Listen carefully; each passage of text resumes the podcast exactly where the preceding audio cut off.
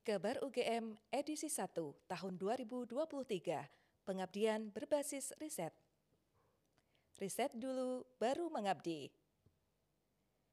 Masih teringat jelas di benak Widya Nayati bagaimana empat tahun lalu ia harus bolak-balik melobi gubernur dan bupati di Nusa Tenggara Timur untuk mengusahakan terlaksananya kuliah kerja nyata di Pulau Saburai Jua, salah satu dari dua pulau terselatan di Indonesia.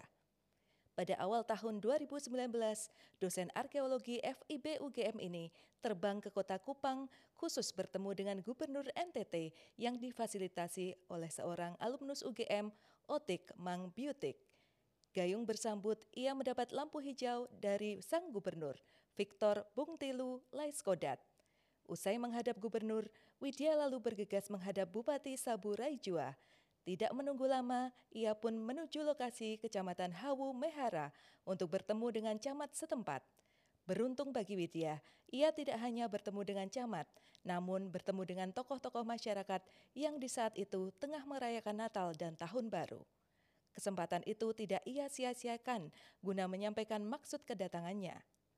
Sekembali di kampus UGM, berbekal surat persetujuan dari Pemda dan hasil survei selama di lapangan, Widya langsung menulis proposal pengajuan KKN kepada Direktur Direktorat Pengabdian kepada Masyarakat atau DPKM. Kami harus berjuang keras untuk mendapatkan lampu hijau agar bisa KKN di sana, katanya. Beruntung bagi Widya, setelah melalui proses seleksi dan presentasi, proposalnya dinyatakan lolos sehingga bisa melaksanakan KKN di Saburai Jua. Namun disayangkan, tidak lama setelah itu pandemi melanda di pertengahan 2020. Mahasiswa KKN tidak bisa diterjunkan secara langsung ke lokasi. Namun kegiatan dilaksanakan secara daring. Begitu juga pada tahun berikutnya, tahun 2021.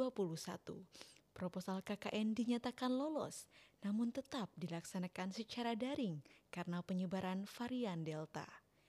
Barulah pada tahun 2021, KKN di Saburai Jua bisa dilaksanakan secara tatap muka. Pada kegiatan KKN yang berlangsung pada Desember 2021 hingga 5 Februari 2022, pihaknya menerjunkan 30 mahasiswa KKN, namun hanya 24 orang saja yang diberangkatkan ke lokasi karena enam mahasiswa lainnya tidak mendapat restu dari orang tuanya kita melaksanakan 150 program kegiatan. Jelasnya, sebagai dosen pembimbing lapangan DPL, Widya mengaku berkesan melaksanakan KKN di Pulau Saburai Jua. Meski terhalang pandemi, namun ia mengaku senang akhirnya bisa mengajak mahasiswa mengabdi di pulau yang terkenal daerah gersang dan sulit air tersebut kita melakukannya dengan penuh semangat sehingga terwujud KKN di sana. Yang jelas banyak tangan indah, kokoh, keras tapi lembut yang membantu. Paparnya.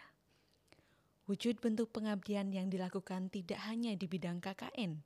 Dosen Fakultas Kedokteran Hewan UGM, Dr. Hewan Agung Budianto, MPPHD, menerapkan riset pengembangan sapi lokal di daerah Brebes, Jawa Tengah.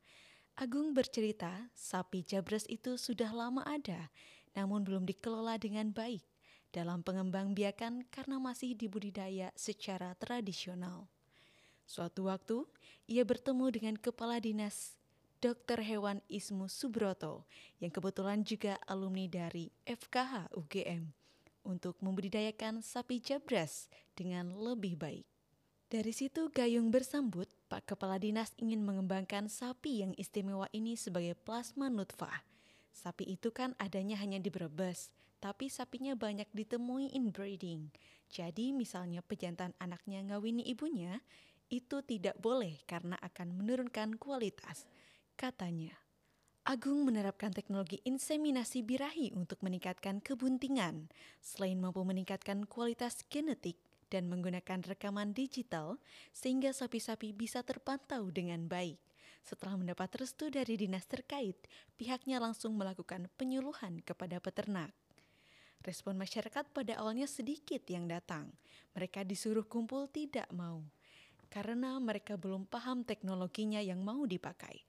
Lalu kita melalui para inseminator, melalui Pak Dukuh, melalui masjid-masjid, Pak Ustadz, kemudian baru pada datang kenangnya. Saat dikumpulkan, kata Agung, para peternak diberikan penyuluhan dan diajak bergabung karena program dilaksanakan secara gratis, di mana hewan ternaknya akan diberi pengobatan, semen inseminasi buatan, bahkan diberikan mineral dan pakan konsentrat. Masyarakat kemudian tertarik dan baru sadar bahwa UGM tidak minta apa-apa dari masyarakat, jelasnya. Selama pendampingan, tim dari FKH UGM melakukan observasi usai dilakukan kawin suntik, memantau sejauh mana tingkat kesehatan ternak dan tingkat keberhasilan kebuntingan sapi jabres. Ternyata sapi-sapi jadi bunting dan melahirkan pedet-pedet dengan selamat karena kita dampingi. Kemudian yang selama ini belum bunting, jadi bunting. Kenang ya.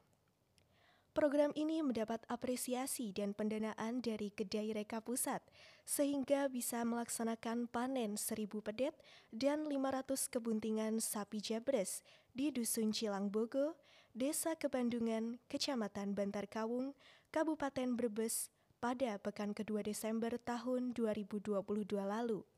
Berbeda dengan Rimawan Pradiptyo, PhD, dosen Fakultas Ekonomika dan Bisnis atau FEB UGM, menginisiasi sebuah gerakan untuk meminimalkan dampak pandemi COVID-19 di masyarakat, terutama di sektor ekonomi dan kesehatan.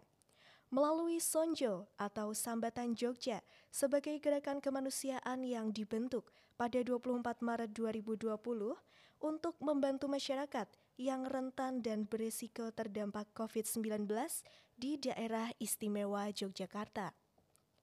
Gerakan ini mengembangkan semangat gotong royong dan untuk memobilisasi sumber daya, Sonjo memanfaatkan grup aplikasi percakapan sebagai sarana untuk berkoordinasi dan komunikasi. Dalam praktiknya, Sonjo telah menciptakan pasar virtual untuk membantu UMKM menyalurkan bantuan kemanusiaan, kebutuhan alat kesehatan, serta memberikan bimbingan teknis ke daerah lain di kala pandemi COVID-19. Semua program yang dihadirkan Sonjo lahir tidak lepas dari isu kesehatan, ekonomi, dan pendidikan karena tiga aspek itu yang paling dibutuhkan masyarakat saat menghadapi pandemi COVID-19 kala itu. Program-programnya pun dibuat mengikuti perkembangan dan situasi. Terang Hirimawan. Rimawan mengatakan, Sonjo awalnya bergerak di Yogyakarta, namun seiring berjalannya waktu yang kian berkembang dan bersinergi dengan enam perusahaan, komunitas, serta masyarakat di daerah lain Indonesia.